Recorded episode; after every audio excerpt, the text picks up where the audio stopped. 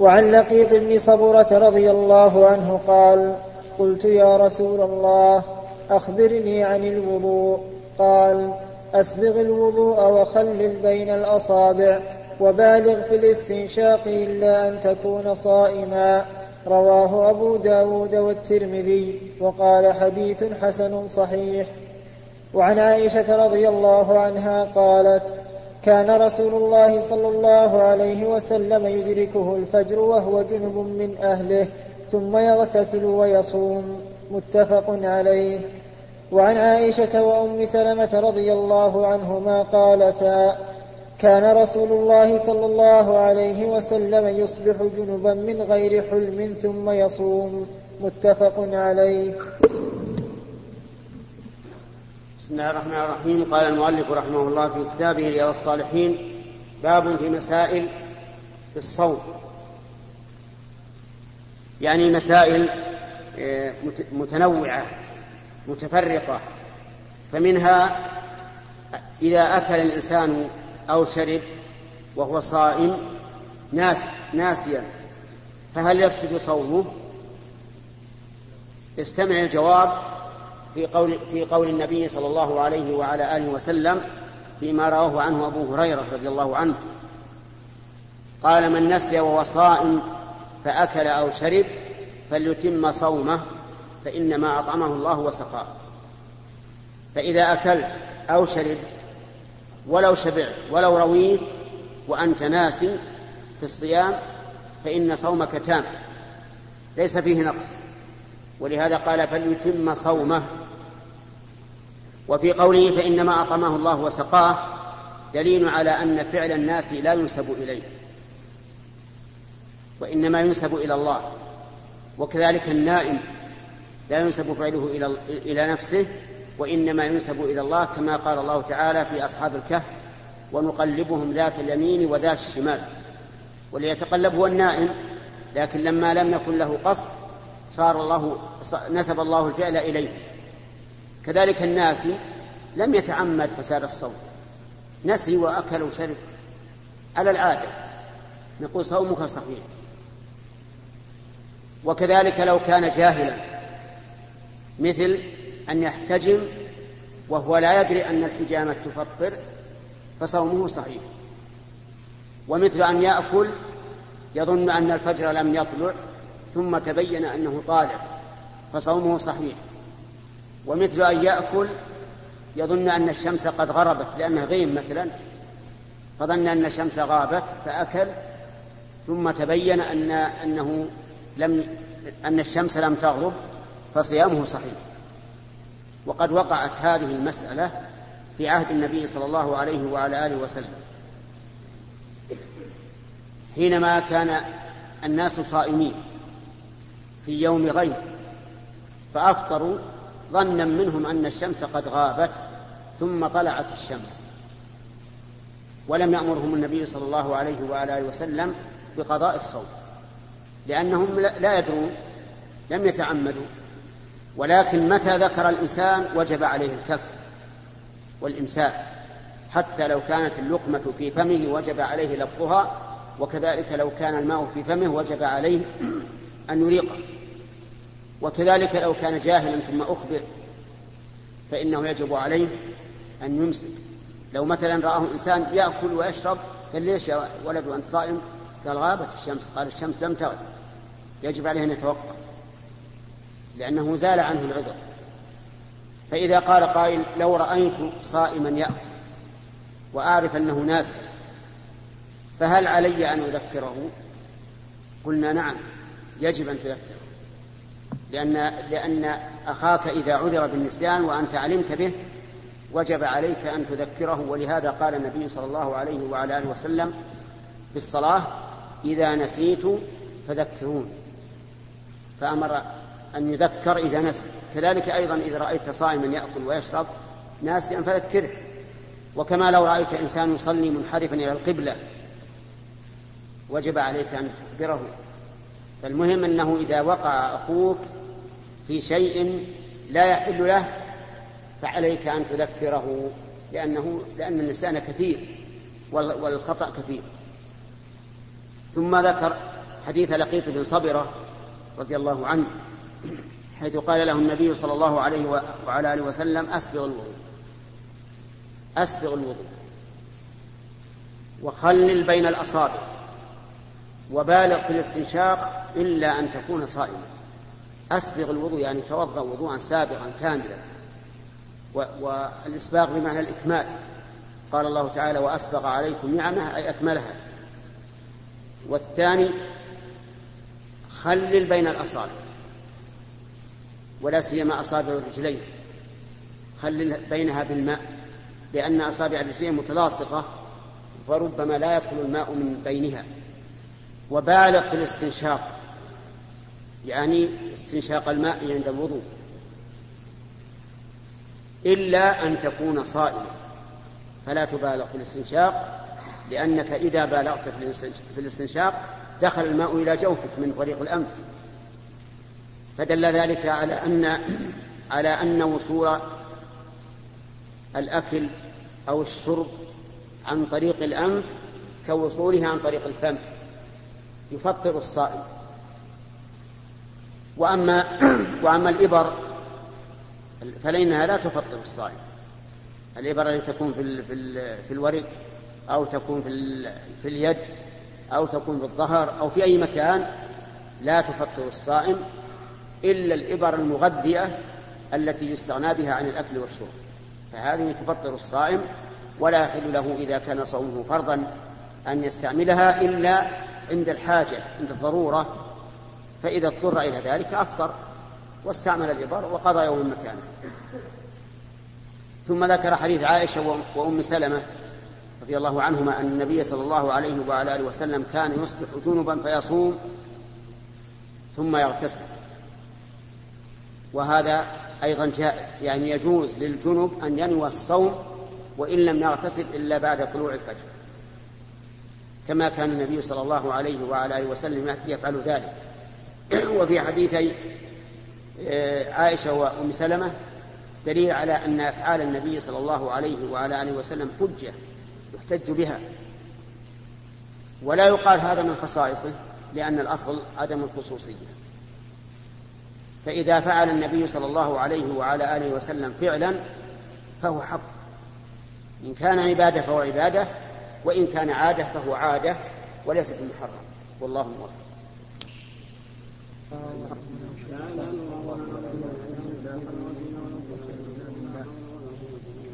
اللهم لا ولا بسم الله الرحمن الرحيم. الحمد لله رب العالمين والصلاة والسلام على نبينا محمد وعلى آله وصحبه أجمعين. قال رحمه الله تعالى باب فضل صوم المحرم وشعبان والأشهر الحرم. عن أبي هريرة رضي الله عنه قال قال رسول الله صلى الله عليه وسلم أفضل الصيام بعد رمضان شهر الله المحرم وأفضل الصلاة بعد الفريضة صلاة الليل. رواه مسلم. وعن عائشة رضي الله عنها قالت لم يكن النبي صلى الله عليه وسلم يصوم من شهر أكثر من شعبان فإنه كان يصوم شعبان كله وفي رواية كان يصوم شعبان إلا قليلا متفق عليه. وعن مجيبة الباهلية عن أبيها أو عمها أنه أتى رسول الله صلى الله عليه وسلم ثم انطلق فأتاه بعد سنة وقد تغيرت حاله وهيئته فقال يا رسول الله أما تعرفني؟ قال ومن أنت؟ قال أنا الباهلي الذي جئتك عام الأول. قال فما غيرك وقد كنت حسن الهيئة. قال ما أكلت طعاما منذ فارقتك إلا بليل. فقال صلى الله عليه وسلم عذبت نفسك ثم قال صم شهر الصبر ويوما من كل شهر. قال زدني فإن بي قوة. قال صم يومين. قال زدني. قال صم ثلاثة أيام. قال زدني. قال صم من الحرم واترك. صم من الحرم واترك. صم من الحرم واترك. وقال بأصابعه الثلاث فضمها ثم أرسلها. رواه أبو داود. بسم الله الرحمن الرحيم. هذا الباب ذكر المؤلف رحمه الله فيه بيان ما يسن صومه من الأيام والشهور. فمن ذلك صوم شعبان. فقد كان النبي صلى الله عليه وعلى آله وسلم يصومه كله أو إلا قليلا كما روت ذلك عنه عائشة رضي الله عنها. ولهذا ينبغي للإنسان أن يكثر من الصيام في شهر شعبان أكثر من غيره لأن النبي صلى الله عليه وعلى آله وسلم كان يصوم. قال أهل العلم والحكمة من ذلك أنه يكون بين مقدمة بين يدي رمضان كالرواتب بين يدي الفريضة. ومن ذلك أيضا شهر الله المحرم. شهر الله المحرم هو ما بين ذي الحجة وصفر. قال فيه النبي صلى الله عليه وسلم أفضل الصيام بعد رمضان شهر الله المحرم. ويتأكد أن يصوم منه العاشر والتاسع أو العاشر والحادي عشر أو العاشر والتاسع والحادي عشر. ومن ذلك أيضا أن يصوم من كل شهر ثلاثة أيام كما في حديث الباهلي وقد كان النبي صلى الله عليه وعلى آله وسلم يصوم من كل شهر ثلاثة أيام لا يبالي أصامها في أول الشهر أو وسطه أو آخره. لكن أيام البيض أفضل وهي يوم الثالث عشر والرابع عشر والخامس عشر. ومن ذلك أيضا أن يصوم يوم عرفة لأن النبي صلى الله عليه وآله وسلم سئل عن صومه فقال إنه يكفر, سنة يكفر السنة الماضية والباقية يعني يكفر سنتين. وسيأتي إن شاء الله في, في كلام المؤلف أو في هذا الكتاب بيان أشياء من الأيام يسن صومها. وفي حديث الباهلي الذي صام سنة كاملة حتى تغيرت هيئته وضعفت حاله وجاء إلى النبي صلى الله عليه وسلم فقال له من أنت؟ فقال هل تعرفني؟ قال من أنت؟ قال أنا الباهلي الذي أتيتك عام أول. فأخبره بما كان يصنع وأنه لم يفارق وأنه لم يترك الصوم منذ فارقه.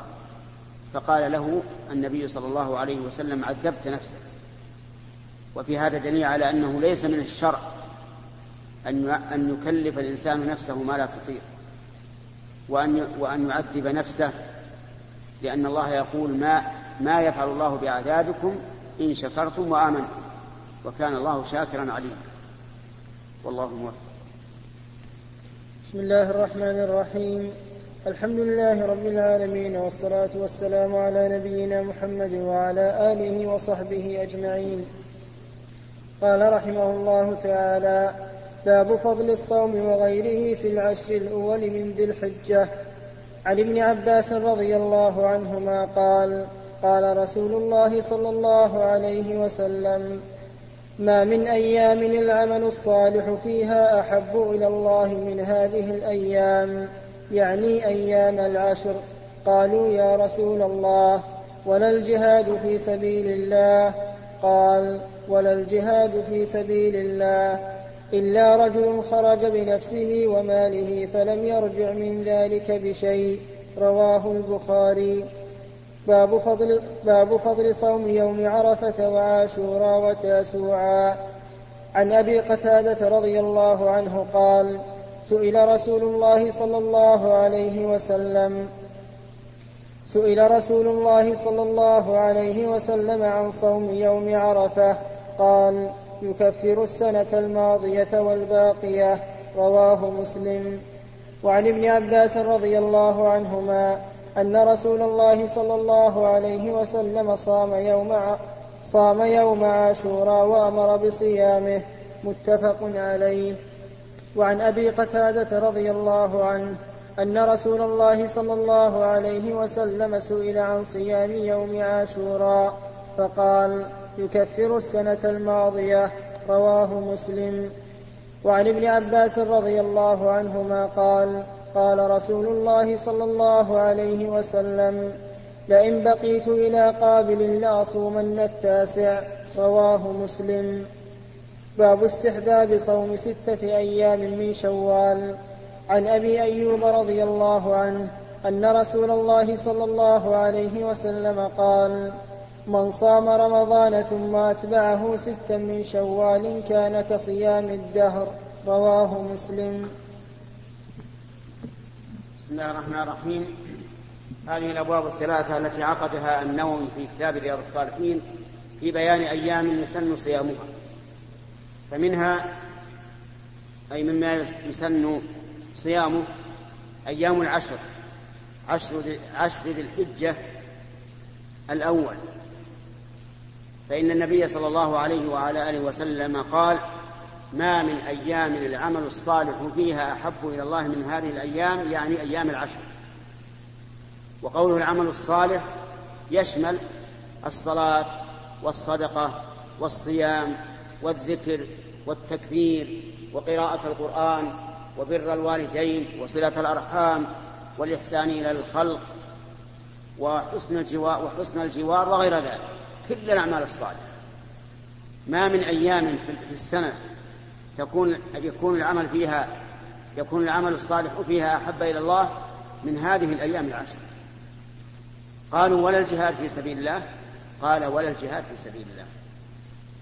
إلا رجل خرج بنفسه وماله فلم يرجع من ذلك بشيء. ففي هذا دليل على فضيلة العمل الصالح في أيام العشر الأولى من شهر ذي الحجة. من صيام وغيره. وفيه دليل أيضا على أن الجهاد من أفضل الأعمال. ولهذا قال الصحابة ولا الجهاد في سبيل الله. وفيها دليل على فضيلة هذه الحال النادرة أن يخرج الإنسان مجاهدا في سبيل الله بنفسه وماله وماله يعني سلاحه ومركوبه ثم يقتل ويؤخذ سلاحه. ومركوبه يأخذه العدو. فهذا فقد نفسه وماله في سبيل الله فهو من أفضل المجاهدين. فهذا أفضل من العمل الصالح في أيام العشر. وإذا وقع هذا العمل في أيام العشر تضاعف فضله. ومن الأيام التي يسن صيامها صيام يوم عرفة. واليوم العاشر من شهر المحرم. لحديث أبي قتادة رضي الله عنه أن النبي صلى الله عليه وعلى آله وسلم سئل عن صوم يوم عرفة قال يكفر السنة الماضية والباقية الماضية التي انتهت لأن يوم عرفة في آخر شهر من العام والباقي فهو يكفر سنتين. وسئل عن صوم يوم عاشوراء فقال يكفر السنة الماضية فهو أقل أجرا من صوم يوم عرفة. ومع ذلك ينبغي أن يصوم مع عاشوراء تاسوعا لأن النبي صلى الله عليه وعلى آله وسلم قال لئن بقيت إلى قابل لأصومن التاسع يعني مع العاشر. ولأنه أمر أن يصام يوما قبله أو يوما بعده مخالفة لليهود. لأن يوم عاشوراء يعني يوم عاشر محرم هو اليوم الذي أنجى الله فيه موسى وقومه. وأغرق فرعون وقومه. فكان اليهود يصومونه شكرا لله عز وجل على هذه النعمة العظيمة أن الله أنجى جنده وهزم جند الشيطان. أنجى موسى وقومه وأغرق فرعون وقومه. فهو نعمة عظيمة ولهذا لما قدم النبي صلى الله عليه وعلى آله وسلم المدينة وجد اليهود يصومون يوم العاشوراء.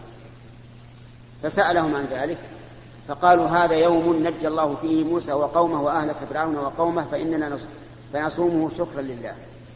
فقال نحن أولى بموسى منكم. لماذا؟ لأن النبي صلى الله عليه وسلم والذين معه أولى الناس بالأنبياء السابقين. إن أولى الناس بإبراهيم للذين اتبعوه. وهذا النبي يعني محمد صلى الله عليه وسلم والذين آمنوا والله ولي المؤمنين. فموسى أحق. فرسول الله صلى الله عليه وسلم أحق بموسى من اليهود لأن اليهود كفروا به حيث كفروا بعيسى وكفروا بمحمد. فصامه وأمر الناس بصيامه إلا أنه أمر أن نخالف اليهود الذين لا يصومون إلا يوم العاشر بأن نصوم التاسع أو التاسع أو العاشر والحادي عشر أو الثلاثة. ولهذا ذكر بعض أهل العلم كابن القيم وغيره أن صيام عاشوراء ثلاثة أقسام. أن يصوم عاشوراء والتاسع وهذا أفضل الأنواع أن يصوم التاسع عاشوراء والحادي عشر وهذا دون الأول. أن يصوم عاشوراء وحده فكرهه بعض العلماء لأن النبي صلى الله عليه وسلم أمر بمخالفة اليهود ورخص فيه بعض العلماء. وكذلك من الأيام التي يسن صيامها ستة أيام من شوال. كما في حديث أبي أيوب أن النبي صلى الله عليه وسلم قال من صام رمضان ثم أتبعه ستا من شوال فكأنما صام الدهر. فسر العلماء ذلك بأن الحسنة بعشر أمثالها فيكون رمضان شهرا بعشرة أشهر ويكون ستة أيام ستين, ستين يوما وهما شهران. فعلى هذا يسن للإنسان إذا أتم صيام رمضان أن يصوم ستة أيام من شوال. وليعلم أنها لا تصام قبل القضاء. يعني لو كان على الإنسان يوما واحدا من رمضان وصام الست فإنه لا يحصل على أجرها لأن الرسول صلى الله عليه وسلم قال من صام رمضان ومن عليه يوم واحد من رمضان لم يكن صاما بل صام أياما منه. إن كان عليه يوم فقد صام كم؟ تسعة وعشرين. إن كان عليه يومان فقد صام ثمانية وعشرين. ما صام الشهر. والرسول صلى الله عليه وعلى آله وسلم يقول من صام رمضان. فإذا صمت رمضان وصمت ستة أيام بعده من شوال فكأنما صمت الدهر كله. وسواء صمتها ثاني يوم العيد وأتبعت بعضها بعضا أو صمتها بعد يومين أو ثلاثة أو صمتها متتابعة أو صمتها متفرقة. الأمر في هذا واسع. لكن لو أنك تساهلت حتى خرج شوال وصمت فإنها لا تكون بهذا الأجر. اللهم إلا من كان معذورا مثل أن يكون مريضا أو امرأة نفساء أو مسافرا ولم يصم في شوال وقضاها في القعدة فلا بأس. الرحمن الرحيم. الحمد لله رب العالمين والصلاة والسلام على نبينا محمد وعلى آله وصحبه أجمعين. قال رحمه الله تعالى باب استحباب صوم الاثنين والخميس. عن أبي, عن أبي قتادة رضي الله عنه أن رسول الله صلى الله عليه وسلم سئل عن صوم يوم الاثنين فقال ذلك يوم ولدت فيه. ويوم بعثت أو أنزل علي فيه رواه مسلم. وعن أبي هريرة رضي الله عنه عن رسول الله صلى الله عليه وسلم قال تعرض الأعمال يوم الاثنين والخميس فأحب أن يعرض عملي وأنا صائم. رواه الترمذي وقال حديث حسن رواه مسلم بغير ذكر صوم. وعن عائشة رضي الله عنها قالت كان رسول الله صلى الله عليه وسلم يتحرى صوم الاثنين والخميس. رواه الترمذي وقال حديث حسن. باب استحباب صوم ثلاثة أيام من كل شهر. عن أبي هريرة رضي الله عنه قال أوصاني خليلي صلى الله عليه وسلم بثلاث صيام ثلاثة أيام من كل شهر وركعتي الضحى. وأن أوتر قبل أن أنام متفق عليه. وعن أبي الدرداء رضي الله عنه قال أوصاني حبيبي صلى الله عليه وسلم ثلاث لن أدعهن ما عشت بصيام ثلاثة أيام من كل شهر وصلاة الضحى وبأن لا أنام حتى أوتر. رواه مسلم. وعن عبد الله بن عمرو بن العاص رضي الله عنهما قال قال رسول الله صلى الله عليه وسلم صوم ثلاثة أيام من كل شهر صوم الدهر كله صوم الدهر كله متفق عليه. وعن معاذة العدوية أنها سألت عائشة رضي الله عنها أكان رسول الله صلى الله عليه وسلم يصوم من كل شهر ثلاثة أيام؟ قالت نعم. فقلت من أي الشهر كان يصوم؟ قالت لم يكن يبالي من أي الشهر يصوم رواه مسلم. وعن أبي ذر رضي الله عنه قال قال رسول الله صلى الله عليه وسلم إذا صمت من الشهر ثلاثا فصم, فصم ثلاثة عشر فصم ثلاث عشرة وأربع عشرة وخمس عشرة رواه الترمذي وقال حديث حسن.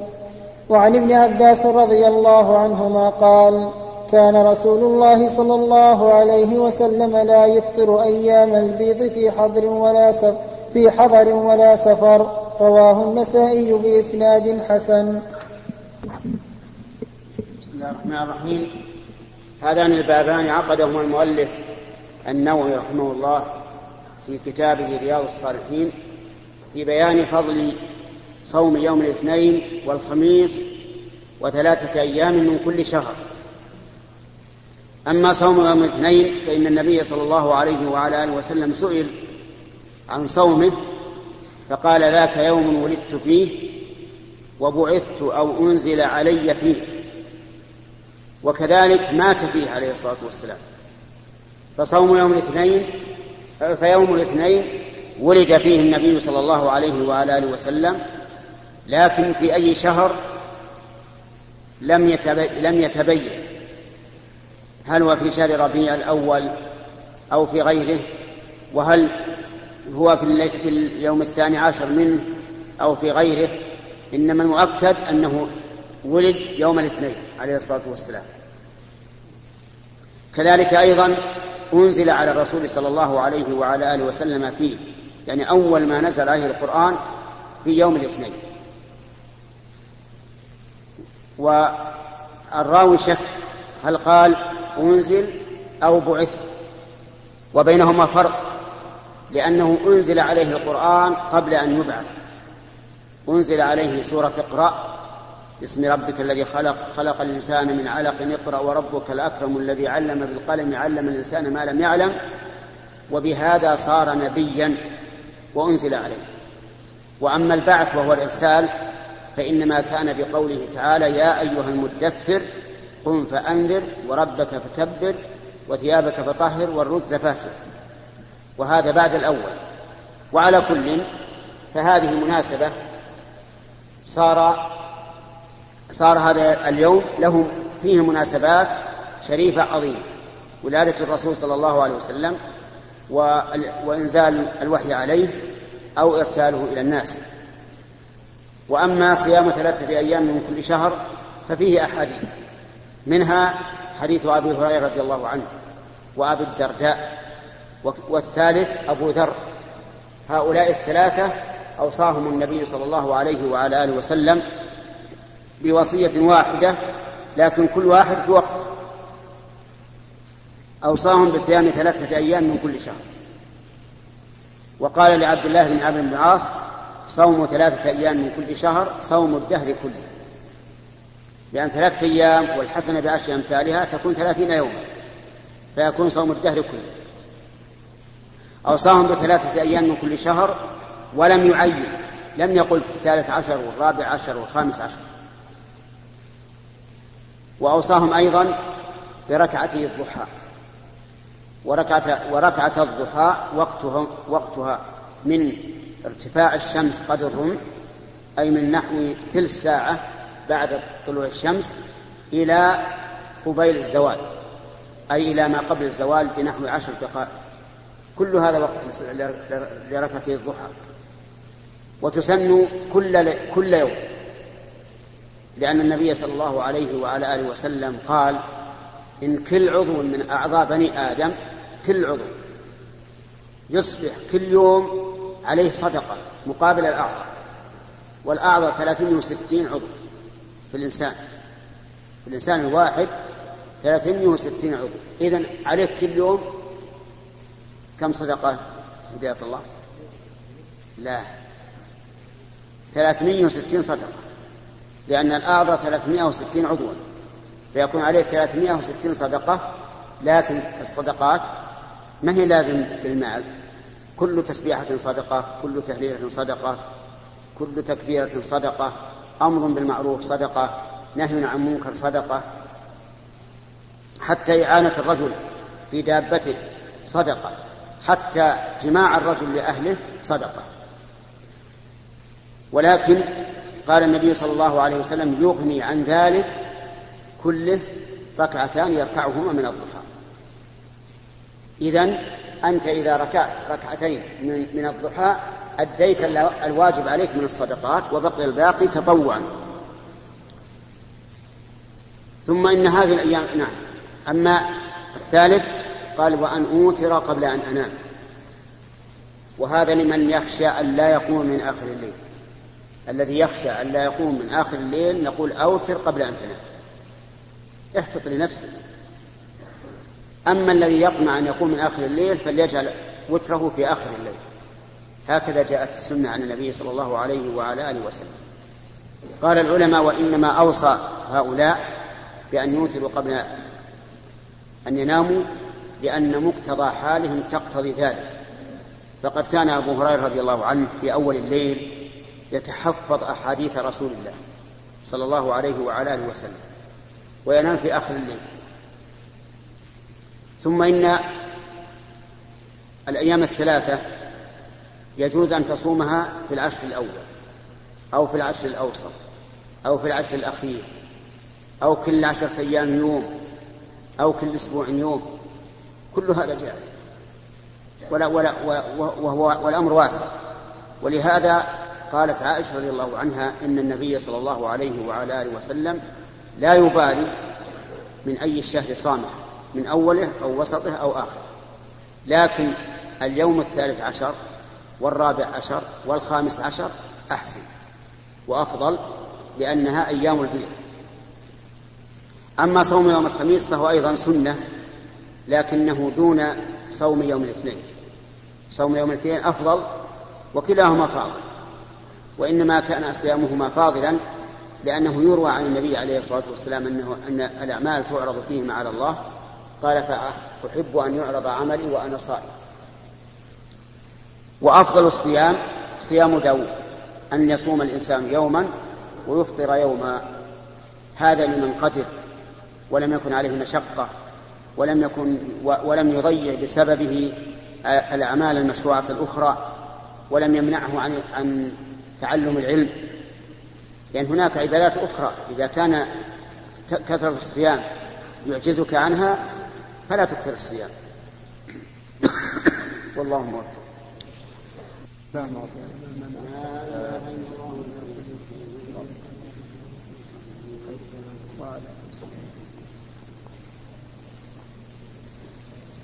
بسم الله الرحمن الرحيم. الحمد لله رب العالمين والصلاة والسلام على نبينا محمد وعلى آله وصحبه أجمعين. قال رحمه الله تعالى باب فضل من فطر صائما. عن زيد بن خالد الجهني رضي الله عنه عن النبي صلى الله عليه وسلم قال من فطر صائما كان له مثل أجره غير أنه لا ينقص من أجر الصائم شيء رواه الترمذي وقال حديث حسن صحيح.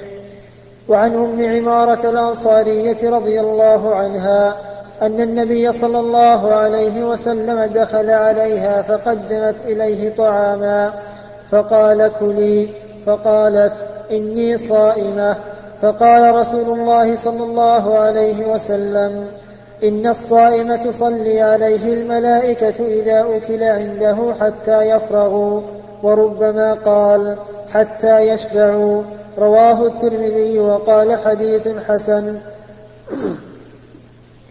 وعن أنس رضي الله عنه أن النبي صلى الله عليه وسلم جاء إلى سعد بن عبادة رضي الله عنه فجاء بخبز وزيت فأكل ثم قال النبي صلى الله عليه وسلم أفطر عندكم الصائمون وأكل طعامكم الأبرار وصلت عليكم الملائكة رواه أبو داود بإسناد صحيح.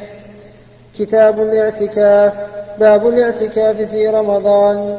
عن ابن عمر رضي الله عنهما قال كان رسول الله صلى الله عليه وسلم يعتكف العشر الأواخر من رمضان. متفق عليه. وعن عائشة رضي الله عنها أن النبي صلى الله عليه وسلم كان يعتكف العشر الأواخر من رمضان حتى توفاه الله تعالى ثم اعتكف أزواجه من بعده. متفق عليه. وعن أبي هريرة رضي الله عنه قال كان النبي صلى الله عليه وسلم يعتكف في كل رمضان عشرة أيام. فلما كان العام الذي قبض فيه اعتكف عشرين يوما. رواه البخاري. بسم الله الرحمن الرحيم. هذا الباب باب فضل من فطر صائما هو آخر ما ذكره النووي رحمه الله في كتابه رياض الصالحين فيما يتعلق بالصيام. وذلك أن من نعمة الله سبحانه وتعالى على عباده أن شرع لهم التعاون على البر والتقوى. ومن ذلك تفطير الصائم. لأن الصائم مأمور بأن يفطر وأن يعجل الفطر. فإذا أعين على هذا فهو من نعمة الله عز وجل. ولهذا قال النبي صلى الله عليه وسلم من فطر صائما فله مثل أجره من غير أن ينقص من أجر الصائم شيء. واختلف العلماء في, في, في معنى قوله من فطر صائما. فقيل إن المراد من فطره على أدنى ما يفطر به الصائم ولو بتمرة. وقال بعض العلماء المراد بتفطيره أن يشبعه لأن هذا هو الذي ينفع الصائم طول ليله وربما يستغني به عن السحور. ولكن ظاهر الحديث أن الإنسان إذا فطر صائما ولو بتمرة واحدة فإن له مثل فإن له مثل أجره. ولهذا ينبغي للإنسان أن يحرص على تفطير الصوام بقدر المستطاع لا سيما مع حاجة الصائمين وفقرهم أو حاجتهم لكونهم ليس في بيوتهم من يقوم بتجهيز الفطور لهم بتجهيز الفطور لهم وما أشبه ذلك. ثم ذكر باب الاعتكاف رحمه الله. ثم ذكر رحمه الله تعالى باب الاعتكاف والاعتكاف لزوم المسجد لطاعة الله عز وجل. وهو مشروع في العشر الأواخر من رمضان لأن النبي صلى الله عليه وعلى آله وسلم كان يعتكف العشر الأول ثم اعتكف العشر الأوسط يتحرى ليلة القدر. ثم قيل له إنها في العشر الأواخر فصار يعتكف العشر الأواخر من رمضان. وبهذا عرفنا أنه لا يشرع الاعتكاف في غير رمضان وأن ما ذكره بعض العلماء من أنه ينبغي للإنسان إذا قصد المسجد أن ينوي الاعتكاف مدة لبثه فيه قول لا دليل عليه. فإن النبي صلى الله عليه وعلى آله وسلم لم يشرعه لأمته لا بقوله ولا بفعله. يعني لم يقل للناس إذا دخلتم المسجد فنوا الاعتكاف فيه في أي وقت وأي وفي أي حال. ولم يقل ولم يكن يفعل ذلك هو بنفسه. وإنما كان يعتكف في العشر الأواخر تحريا لليلة القدر. ولهذا ينبغي للمعتكف أن لا يشتغل إلا بالطاعة من صلاة وقراءة القرآن وذكر وغير ذلك. حتى تعليم العلم قال العلماء لا ينبغي للمعتكف أن يشتغل بتعليم العلم بل يقبل على العبادات الخاصة لأن هذا الزمن مخصوص للعبادات الخاصة. و ولا يجوز للمعتكف أن يخرج من المسجد إلا لما لا بد منه.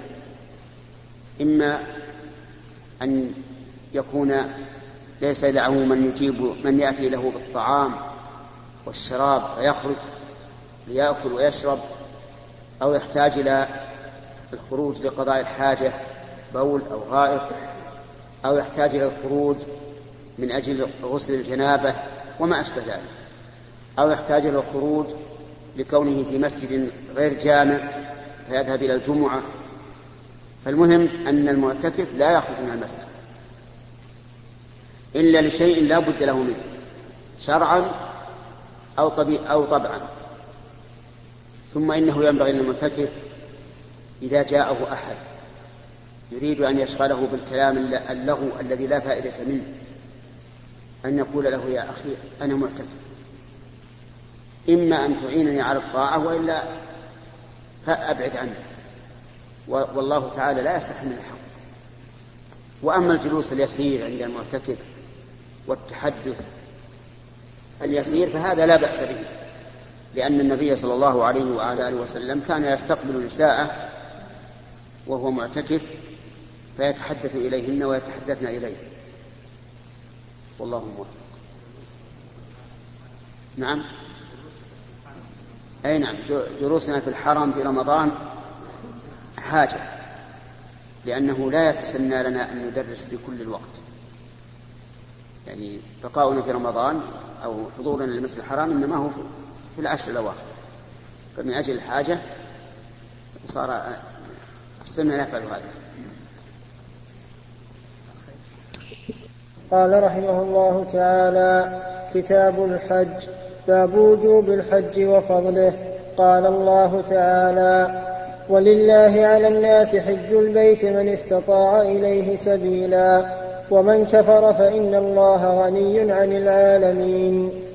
عن ابن عمر رضي الله عنهما أن رسول الله صلى الله عليه وسلم قال بني الإسلام على خمس شهادة أن لا إله إلا الله وأن محمدا رسول الله.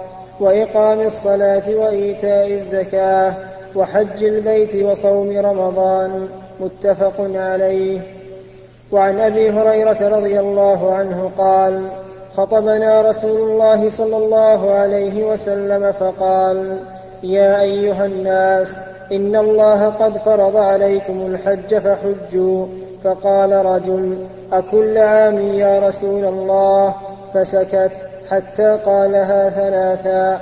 فقال رسول الله صلى الله عليه وسلم لو قلت نعم لوجبت ولما استطعتم.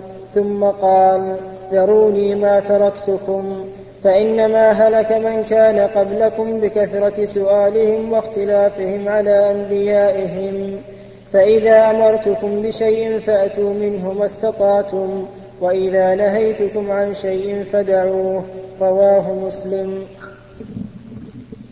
الله الرحمن الرحيم. قال المؤلف رحمه الله تعالى في كتابه رياض الصالحين باب وجوب الحج وفضله. الحج هو قصد مكة بالتعبد لله سبحانه وتعالى بأداء المناسك. وهو أحد أركان الإسلام بإجماع المسلمين. ودليل فرضه قول الله تبارك وتعالى ولله على الناس حج البيت من استطاع إليه سبيلا ومن كفر فإن الله غني عن العالمين. وهذه الآية نزلت في العام التاسع من من الهجرة. وهو العام الذي يسمى عام الوفود. وبه وبها فرض الحج. أما قوله تعالى في سورة البقرة وأتموا الحج والعمرة لله ففيها فرض الإتمام لا فرض الابتداء.